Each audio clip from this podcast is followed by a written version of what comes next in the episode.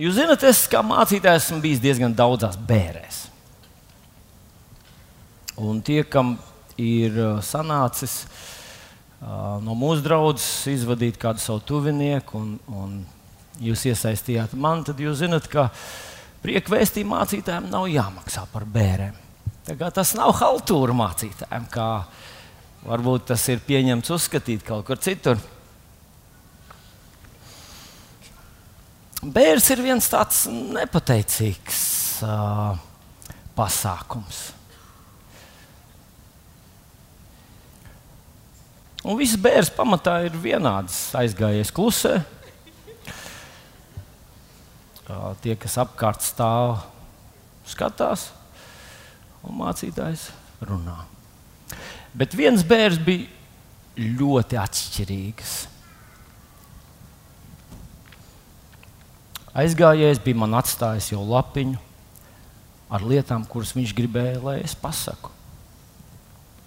Un jūs varat iedomāties, ka es norunāju to savu, savu mācītāju tekstu, un es cenšos pasludināt evaņģēlīju tajā reizē un izlasu kaut ko no Bībeles, ko viņi par to saka, par cilvēku dzīvi, par cilvēku dzīves jēgu un tā tālāk. un tad es saku, nu, tagad man jānolasa vārdi, kurus. Uh, šis cilvēks gribēja, lai es jums pasaku tieši šajā gadījumā bērēs. Un tad viņš sāk ar to, un es lasu. Mans dzīves lielākais sasniegums ir tas, ka es biju pieņēmis Jēzu Kristu par savu kungu un glābēju. Ko? Jā, jā, pirmā vecumā aizgāja mūžībā.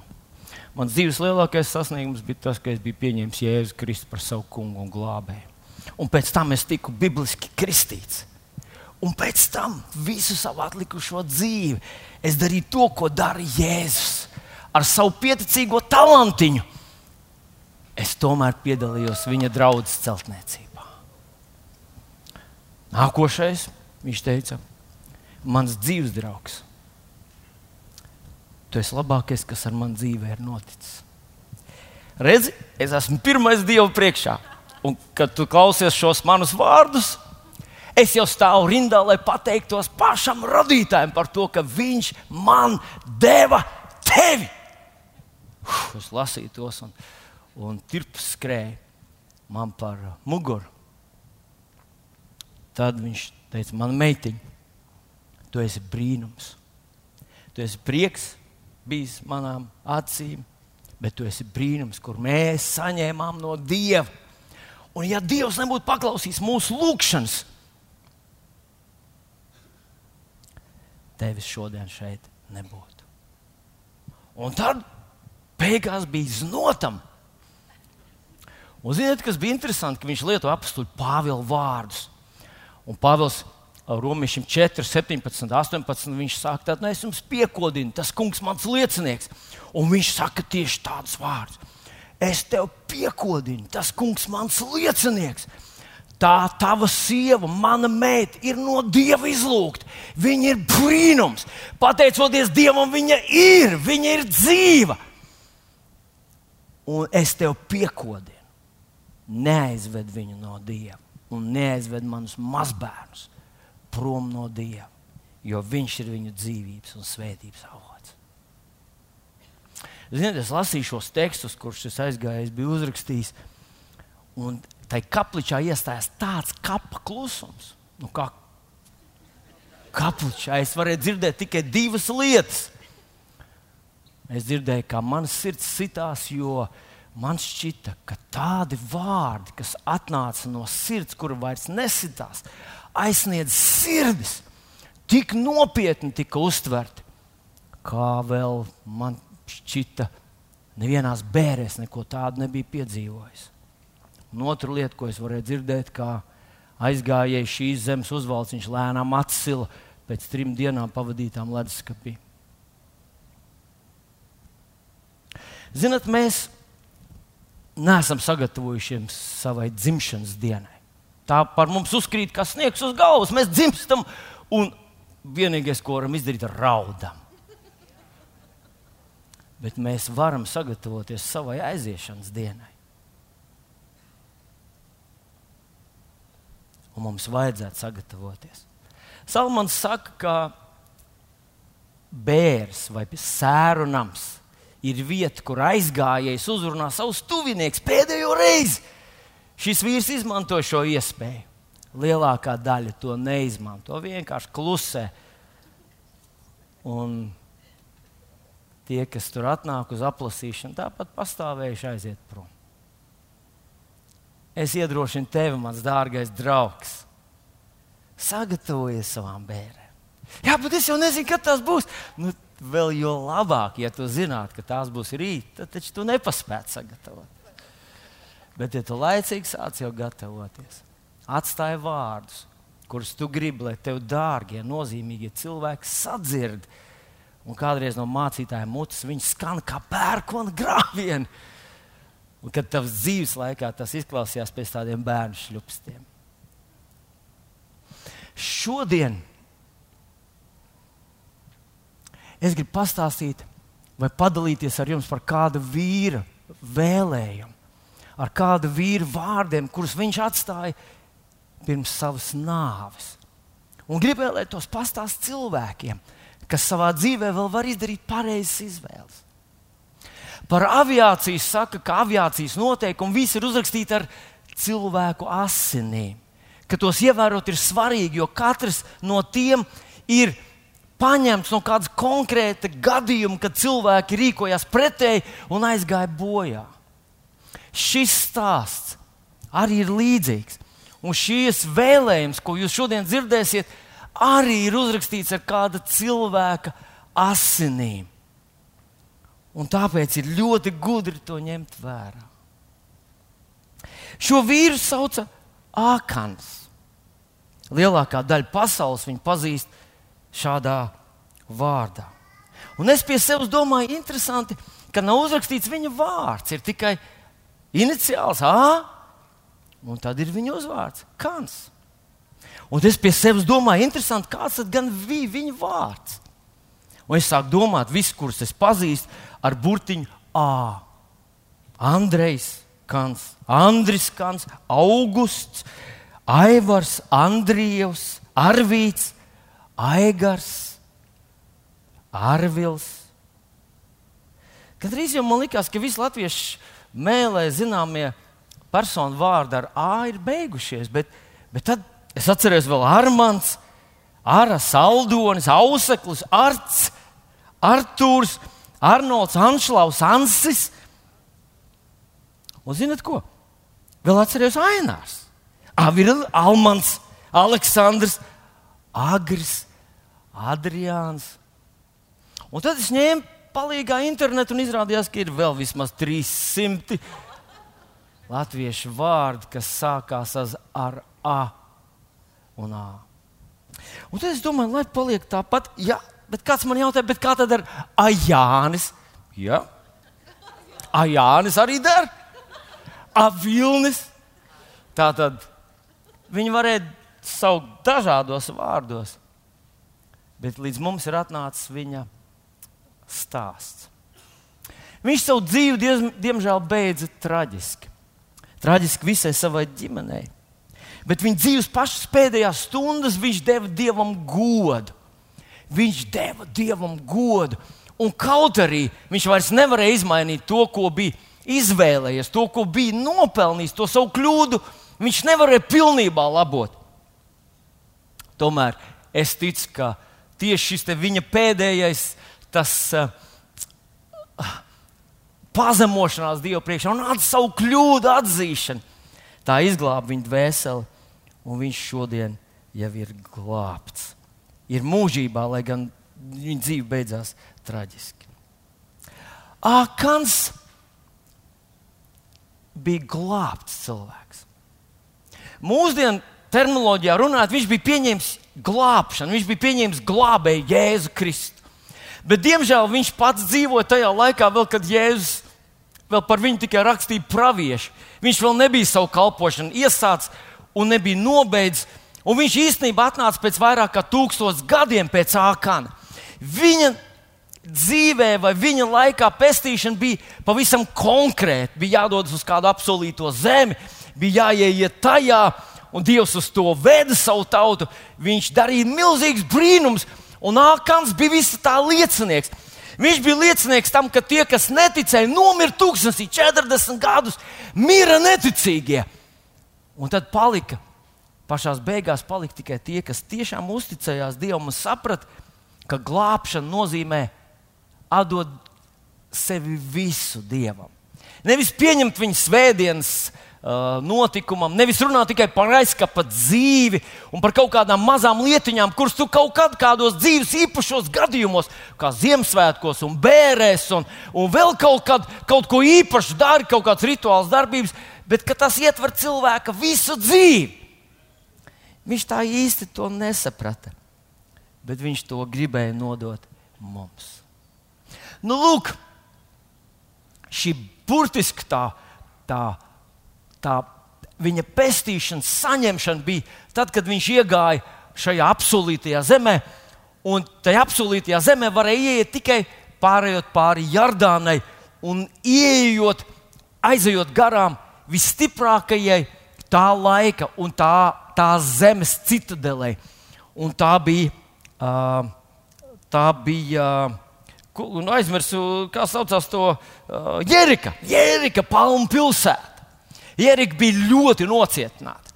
Viņa bija tūkstošu vidū, bet Jerikas spēks bija viņas mūros un ļoti bagātīgā saldā ūdens avotā, kas bija pašā Jerikā. Tos, to, uh, pats vārds Jerika nozīmē palmu pilsēta.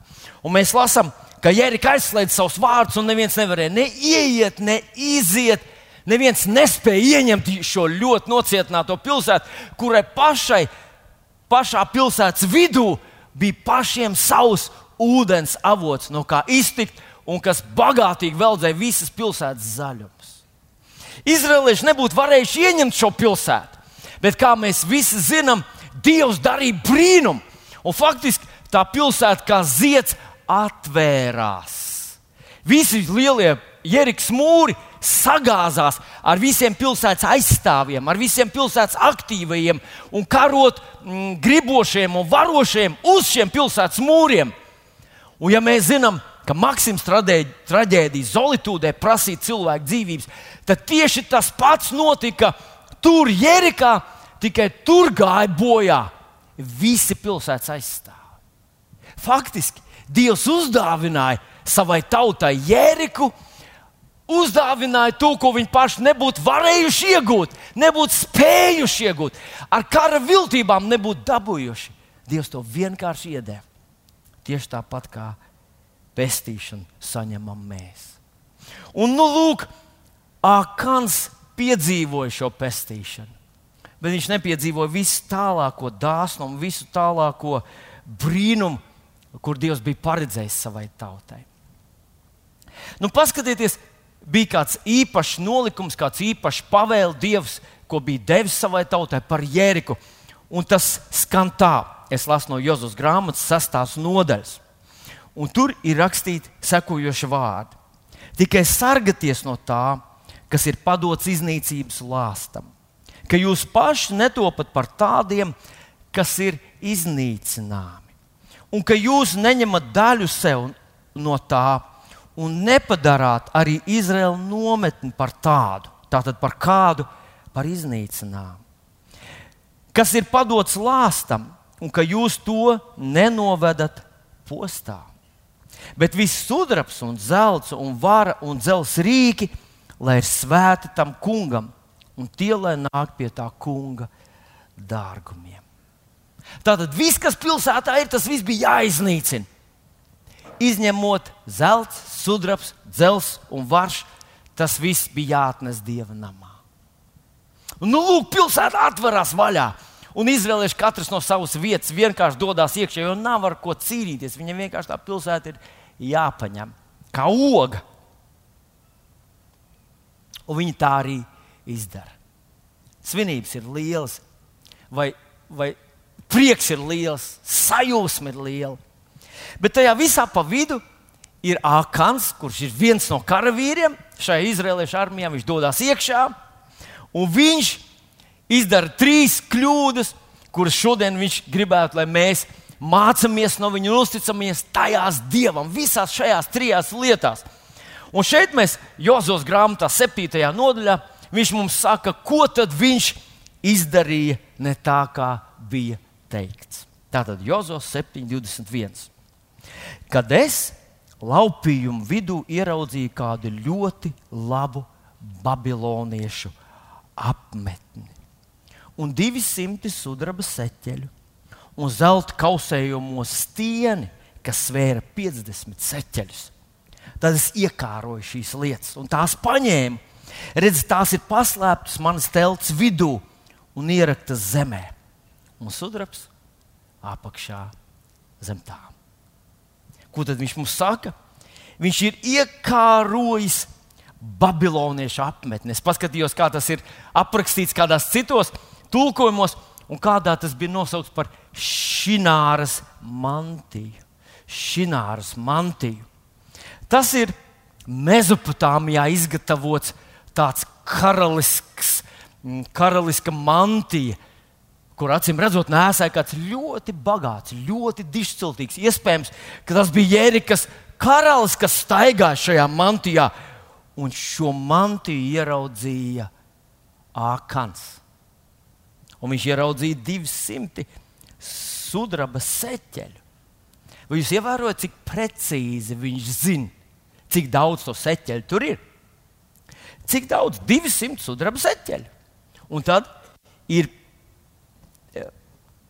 Un, un, un viņš ieraudzīja arī puskilogramu zelta vai 50 zelta seķeļus. Zinat, kā viņš rīkojas? Manā izpratnē viņš atnāca mājās pēc tam Viņa ģimene, protams, visi saskrēja viņam apkārt, prasīja, nu kā tev, nu, vai tev trāpīja, vai tev ievainoja, nu kā tu jūties. Un viņš teica, man priekš jums kaut kas ir. Aiztaisiet telts durvis, un viņi aiztaisīja durvis. Un viņš izvilka vispirms mantiju un uzvilka. Ah! Ģimene bija sajūsmā. Tu izskaties pēc karaļa, tu izskaties pēc aristokrāta, tu izskaties pēc dižana valdnieka. Ākans staigā pa istabu mantijā. Ha. Es atceros, kad man viens brālis atveda pirmo reizi. Pirmo reizi manā mājā bija viss aprīkojums, kas jāvelk, lai, lai uh, brauktu ar motociklu, mo motokrosā. Es atceros, es uzvilku tos zābakus, smagos plasmas, uzvilku visus ceļu aizsargus, uzvilku visu un uzvilku ķiveru galvā. Un tad es staigāju pa istabu kaut kas pa televizoru gāja tāds interesants. Un es apsēdos tur, paskatīties, kas tur ir. Un mans dēls man nofotografē, mans tēcis ir pilnā ekipējumā, gatavs visām pārmaiņām, kas nāks no televizora. Nu, smieklīgi, protams, tas bija. Es viņam sarāju, teicu, viņš nevienam to bildi nerāda un nesūta un tā tālāk. Tā kā ģimene visi vēroja tēvu, kurš bija savilcis visas tās skaistās lietas. Un tad viņš teica, paskatieties, sudraba kaudze ar sudraba naudu. Viņi visu uzmanīgi pārskaitīja vienreiz un otrreiz un konstatēja, ka tur ir 2000, 200 sudraba naudu. Ziniet, cik tas ir svarā? Toreiz viņi nelietoja uh, kaltas monētas. Tās tika atnācas pēc Babilonas. Viņi svēra sudrabu un visur svēra svaru. Ja tu aizgāji uz tirgu, tad vajadzēja nosvērt to naudu. Uh, un tu iebērsi sudrabu pēc svara, atdevi tirgotājiem. Tātad viņi izreikināja, ka tur ir vairāk kā divi kilogrami sudraba. Divi kilogrami sudraba. Halleluja! Viņi teica, tā ir uzvara. Un cik tam man vēl ir zelts? Un zelts bija 50 seķeļi. Tas ir puskilograms zelta. Wow! Ģimene bija sajūsmā. Bet viņi zināja, ka nevajag ņemt no turienes, nevajag no turienes ņemt. Un tāpēc viņi visi paslēpa to telts vidū, pašā vidū. Nevis tur, kur gulēja tēvs, zem tēta guļas vietas. Viņš pakluso to izdarījis viens pats, bet viņš iesaistīja ģimeni. Ah, ja viņš būtu zinājis, cik dārgi tas viņam maksās. Nu, lūk, es ar šodien ar jums gribu paskatīties uz šīm trim lietām, kuras Ākans paņēma no vietas, kur Dievs teica, lai neņem. Un pirmā no tām bija šināras mantija.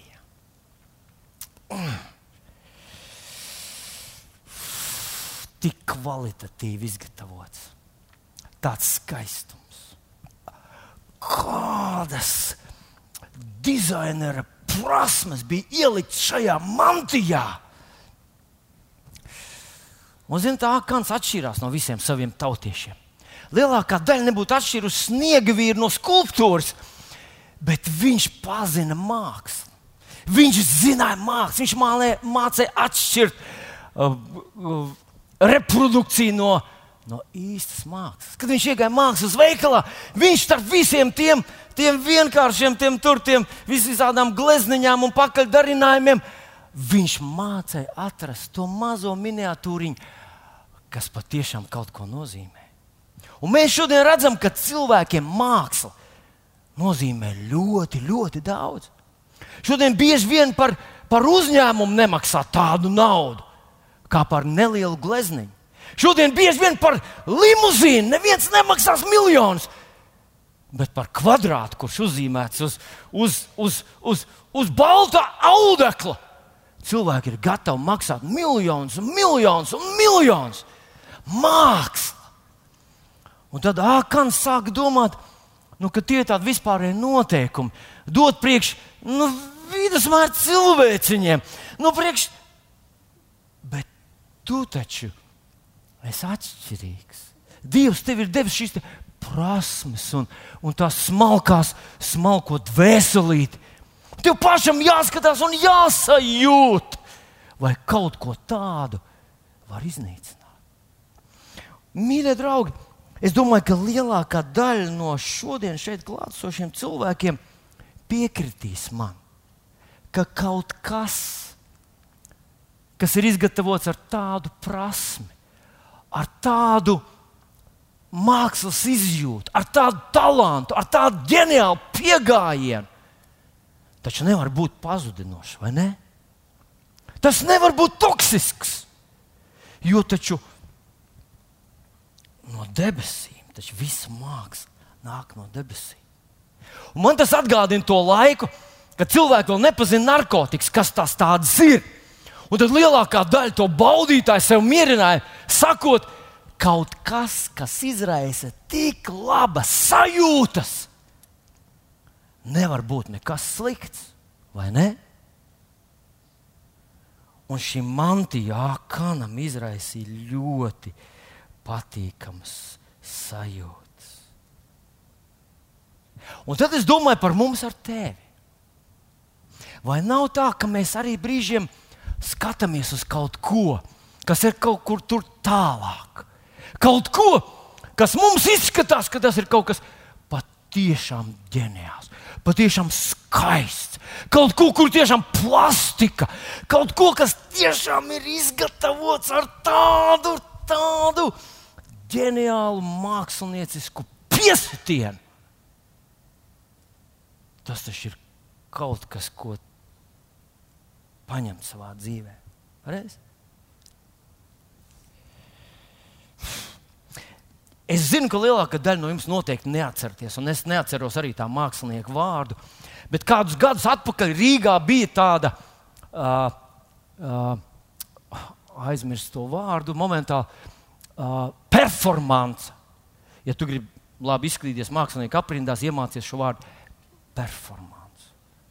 Un tas mākslinieks bija izveidojis kaut ko no stikla, kaut kādu, tur, kaut kādu kā logu, kā kaut kādas durvis. Un tad visu to cilvēku sanākušos performances klātbūtnē viņš pliks, triecās tajā stiklā iekšā un sagriezās. Tur tas stikls šķīda, asins līja, viņš krita, ātrā palīdzība viņu glāba. Un pēc tam, pēc dažām dienām, es lasīju viņa atskaiti par to ka tās brūces, kuras viņš ieguva tajā performancē, bija ļoti tuvu tam, lai aizskārtu viņa lielos asinsvadus. Faktiski viņa dzīvība karājās matu galā, bet sabiedrība bija starā. Kaut kas ar tādu ģeniālu domu, ar tādu radošu pieeju Pat ja tā būtu bijusi pašnāvība, tā izskatījās tik skaisti. Un tad es pie sevis domāju, vai cilvēka paša sevis savainošanās var būt skaista? Vai pašnāvība vai nāve vispār var būt skaista? Es nezinu, vai jūs tā esat domājuši kādreiz, ka ja mēs lietas vērtējam pēc viņu iepakojuma.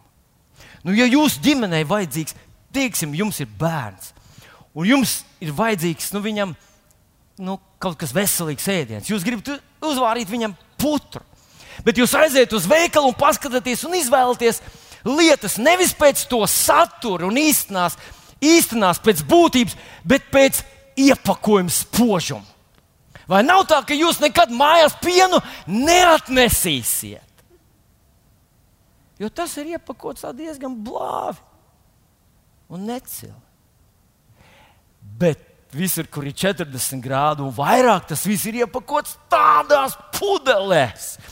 Tur ir blēmbas, un ordeņi un medaļas, un tur ir, tur ir pasaules labākie dizaineri piestrādājuši pie tā, lai to atnes mājā un saindētos ar to tā, ka nespētu domāt, nespētu parunāt, nespētu paiet un būt gatavs pārdot visu savu ģimeni, lai dabūtu vēl vienu tādu pašu.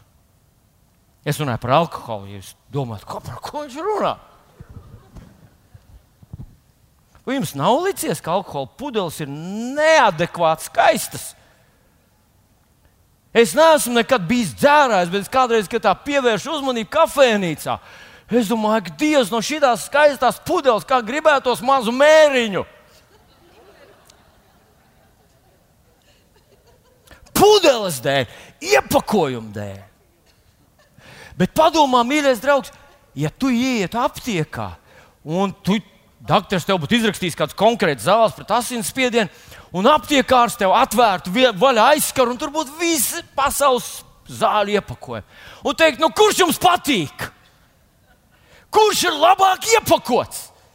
Izvēlieties to. Tu taču atdotu galus daudz ātrāk.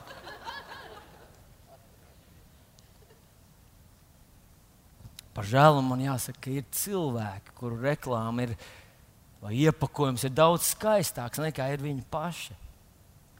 Mēs bieži vien redzam tikai to iepakojumu. Mēs redzam to ārējo reklāmu, kādu mums pasniedz. Un tā cilvēka grupa, kurai tu gribi pievienoties, varbūt tas ir tavs sapnis, ka vienā dienā tu sasniegsi, un arī tu varēsi uzvilkt to mantiju, un tu būsi starp tiem, ka tu tur nonāksi un atkodīsi to īsteno būtību. Izrādīsies, ka reklāma bija daudz spožāka par reālo situāciju, kurā nu tu esi nonācis. Neizvēlēties. Nevienmēr skaistākā kastīte veļas pulverim ir tas labākais. Nevienmēr skaistākā kastīte zālēm ir tā, kuru tev vajag. Un mēs zinām, ka, ka tā ir tāda milzīga, uh, milzīga kļūda vērtēt šīs pasaules lietas pēc ārējā iepakojuma. Es zinu, Ākans palaida garām debesu um, kultūras vai debesu mākslas postulātus. Bet, ja viņš būtu zinājis to, ko zinām ar tevi mēs, viņš noteikti nebūtu ņēmis šo mantītu. Ko tad mēs zinām? Mēs zinām, ka svētība ir skaista un lāsts ir riebīgs. Glābšana ir skaista, pazudināšana ir neglīta. Lai arī cik īsi svārki tai ir uzvilkti, pazudināšana vienmēr ir neglīta Jēzus vārdā. Mīlestība ir ģeniāla, egoisms ir plaģiāts, pazemība ir gudra, augstprātība ir bezgaumīga. Uzticība ir apbrīnas vērta, nodevība ir nožēlojama, dāsnums ir dižens, alkatība ir sekla, svēts ir daļš, nešķīsts ir, piedodiet par tādu grieķu vārdu, apģēzīts. Morāla rīcība ir eleganta, amoralitāte, plānprātības pazīme.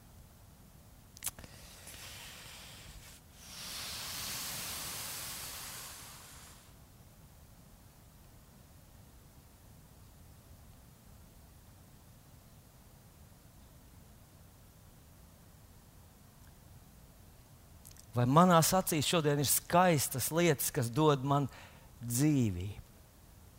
Vai tavās acīs ir skaistas tās lietas, kas dod tev mieru, kas dod harmoniju, drošību tev? Vai tu gadījumā neesi pievilcis ar kādu citu apmetni,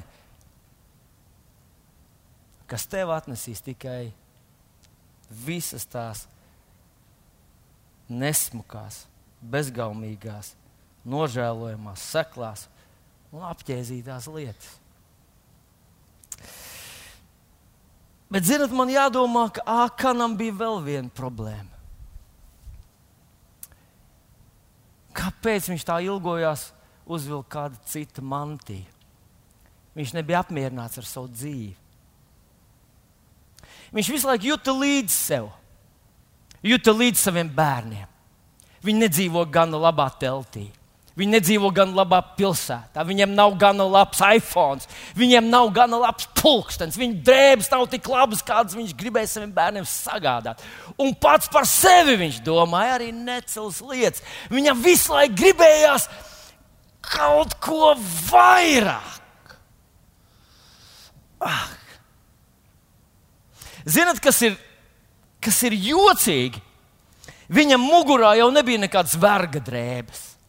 Kad viņš gāja ārā no Eģiptes zemes, mēs lasām, ka Dievs teica savai tautai, lai viņi prasa no eģiptiešiem drēbes un zeltu, un viņi prasīja. Un Bībelē saka, ka Dievs noskaņoja eģiptiešu sirds labvēlīgi. Viņi deva savu zeltu un sudrabu, un tur teikts burtiski, ka viņi aplaupīja Eģipti. Viņi iznāca ārā Eģiptes zeltu un sudrabu par saviem 400 vergošanas gadiem. Tā kā viņa mugurā bija ne tikai gaumīgi izstrādātas, izveidotas drēbes, ne tikai viņa pirkstā bija gredzeni, bet viņš ar šīm drēbēm bija izgājis cauri jūrai. Ar šīm drēbēm viņš bija redzējis, kā Dievs no vienas klints padzirdina veselu tautu. Viņš bija redzējis, kā Dievs 40 gadus tūkstnesī ēdina ar mannu. Šīs drēbes bija daļa no brīnuma, jo tās nenovalkājās, nenodila, nesaplīs. Viņa apava viņa kājās neizjuka. 40 gadus viņš bija staigājis brīnumā. Bet viņš bija pie tā, tā pieredzes, ka viņš visu laiku kāroja kaut ko citu. Es gribu pajautāt tev, Kā ir, vai tu novērtē to, ko Dievs ir izdarījis tavā dzīvē? Vai tu to vispār redzi? Zinot, mēs kādreiz, kādreiz raugamies uz lietām, kur mēs neesam nonākuši, un nemaz nepaskatāmies uz to, kas mūsu dzīvē, labais, kas mūsu dzīvē ir noticis. Kas ar mums nav noticis, bet varēja notikt. Kam bija jānotiek, bet nenotika. Dievs tevi izved cauri, aizved tevi garām. Dievs pasargāja, svētīja, sargāja tevi. Viņš tevi ir izvedis cauri dažna, dažādām kritiskām situācijām tavā dzīvē. Bet tu tā neko tādu īpašu savā dzīvē piedzīvojis neesi. Kā tu gribētu būt par kaut ko citu?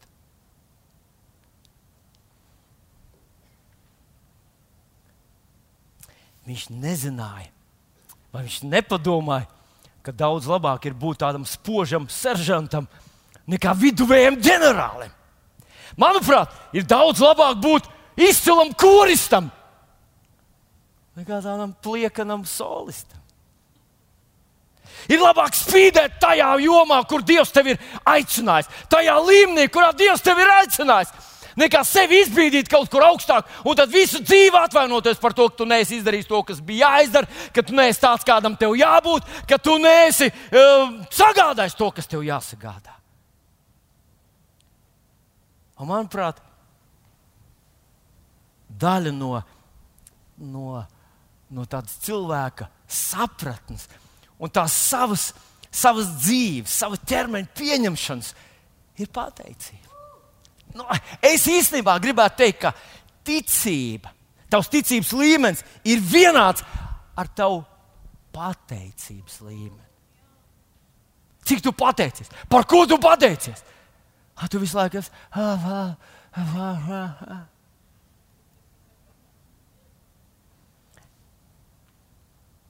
Es esmu runājis ar kādiem pāris cilvēkiem, kas ir uzņēmēji. Viņi saka, dažreiz izcils strādnieks kļūst par struntīgu brigadieru. Viņš bija izcils savā vietā. Viņš bija izcils, vai uztic to viņam, viņš izdarīs labāko, ko var. Bet viņam tā gribējās vadīt cits, un tad, kad viņš vada tagad. Un kā tu cilvēkam pateiksi?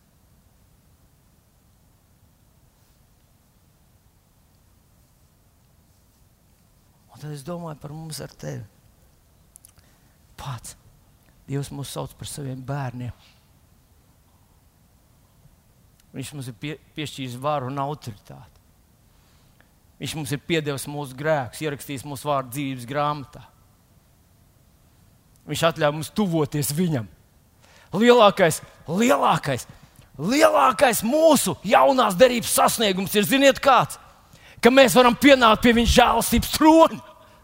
Un Dievs atvēra savu žēlastības troni un teica, 24 stundas atvērts. Bet ziniet, ko cilvēki? Viņa bērni biežāk iet uz McDonald's vai kā iet pie tēva. Dievs gaidīja, ka mēs stāvēsim tur rindās. Kas būs šovakar vēl pielūgšanas? Šau uz rītu knapi atkūlos. Vai mēs novērtējam to, kas mēs esam? Un mēs novērtējam, ka esam ķēnišķīgi priesteri, ka Dievs ir mūsu pusē, ka Viņš mūs netiesā, nevērtē, nesalīdzina, ka Viņš mums neatmaksā pēc to, kādus rādītājus mēs esam parādījuši svētapšanā vai dienā. Vai mēs, vai mēs to apjēdzam? Cik daudz Dievs mums ir devis? Vai tu to apjēdz? Vai tu to apjēdz?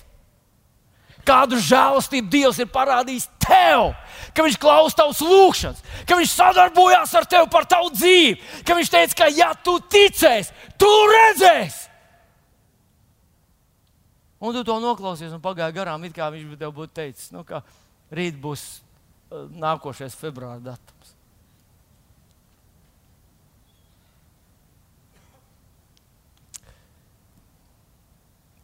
Halleluja!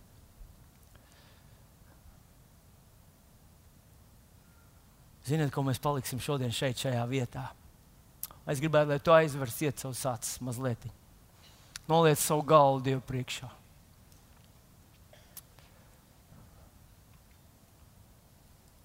Un es gribētu, lai tu padomā visu, ko Dievs priekš tevis ir izdarījis.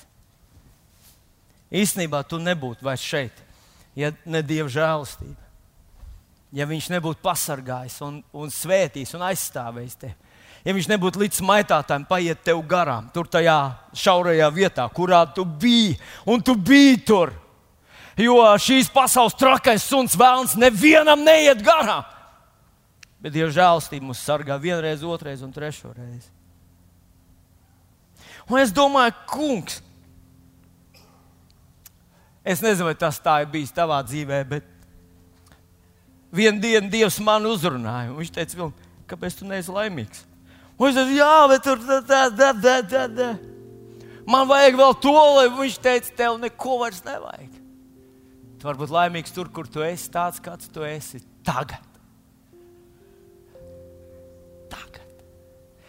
Esmu apmierināts ar tevi, Dēls. Es mīlu tevi. Un tam vajadzētu būt laimes avotam. Tam vajadzētu būt laimes okeāna vilni. Tev vajadzētu staigāt par savu dzīvi un teikt, cik es esmu laimīgs. Es esmu Dieva dēls. Cik es esmu laimīgs, es biju norakstīts uz L, un pat L es biju par labu. Bet viņš man ved uz debesīm.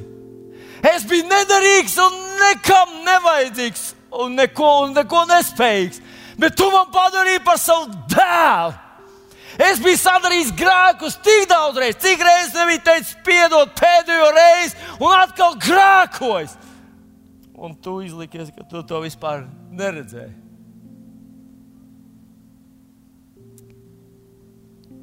Debesis ir mans mājas. Vai ir kaut kas vēl labāk? Un viņš teica, ka man ir mantojums, ka es esmu viņa mantinieks. Es esmu viņa mantinieks. Es vienu dienu lauzīju savu galvu par to, ko es esmu nopelnījis priekš debesīm.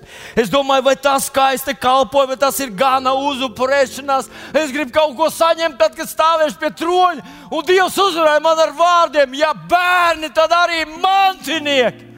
Ko tu pie tā vēl gribi pielikt?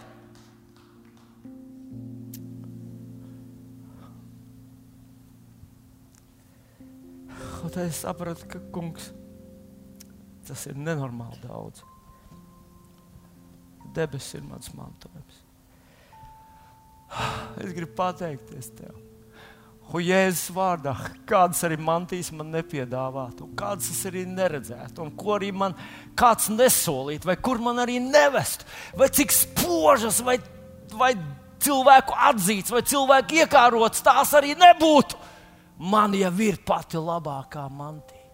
Man ir baltas drēbes, ko man ir sagādājis mans glābējs un kungs Jēzus Kristus. Kā ir ar tevi? Kā ir ar tevi, draugs? Es zinu, ka šodien tavs debesu tēvs jautā tev to jautājumu. Vai tu esi apmierināts?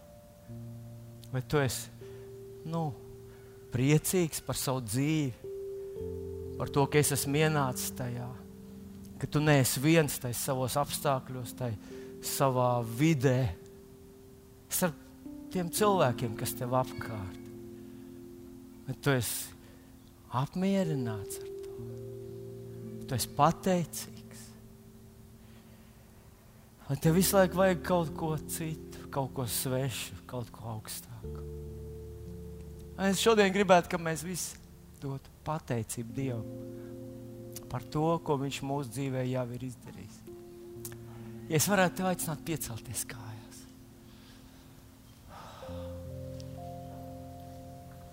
Uzliec savu rociņu sev uz sirds.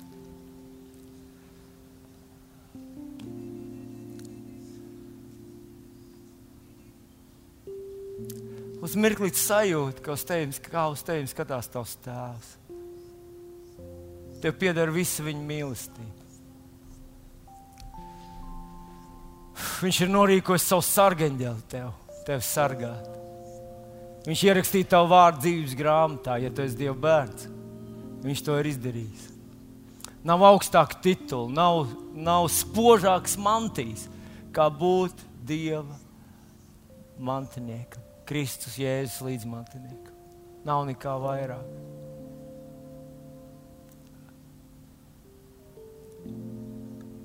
Vai tu vari būt laimīgs šodien? Jā, es nezinu tavus apstākļus. Zinu, ka tev ir problēmas. Ja tev esi dzīves, tev ir problēmas. Man nav nekādas lielas problēmas. Rīt būs. Tāda ir dzīve. Ja es teicu, šajā pasaulē jums būs pēdas, Bet viņš teica, tur ir droši prāti. Es pasaulē esmu uzvarējis. Es apmierināts ar savu ķermeni. Tev varbūt palielināts svars, slava Dievam. Daži nekādīgi nevar to svaru dabūt klāt. Tu esi svaidīts, Dieva izradēts, tu esi Dieva mīlēts cilvēks.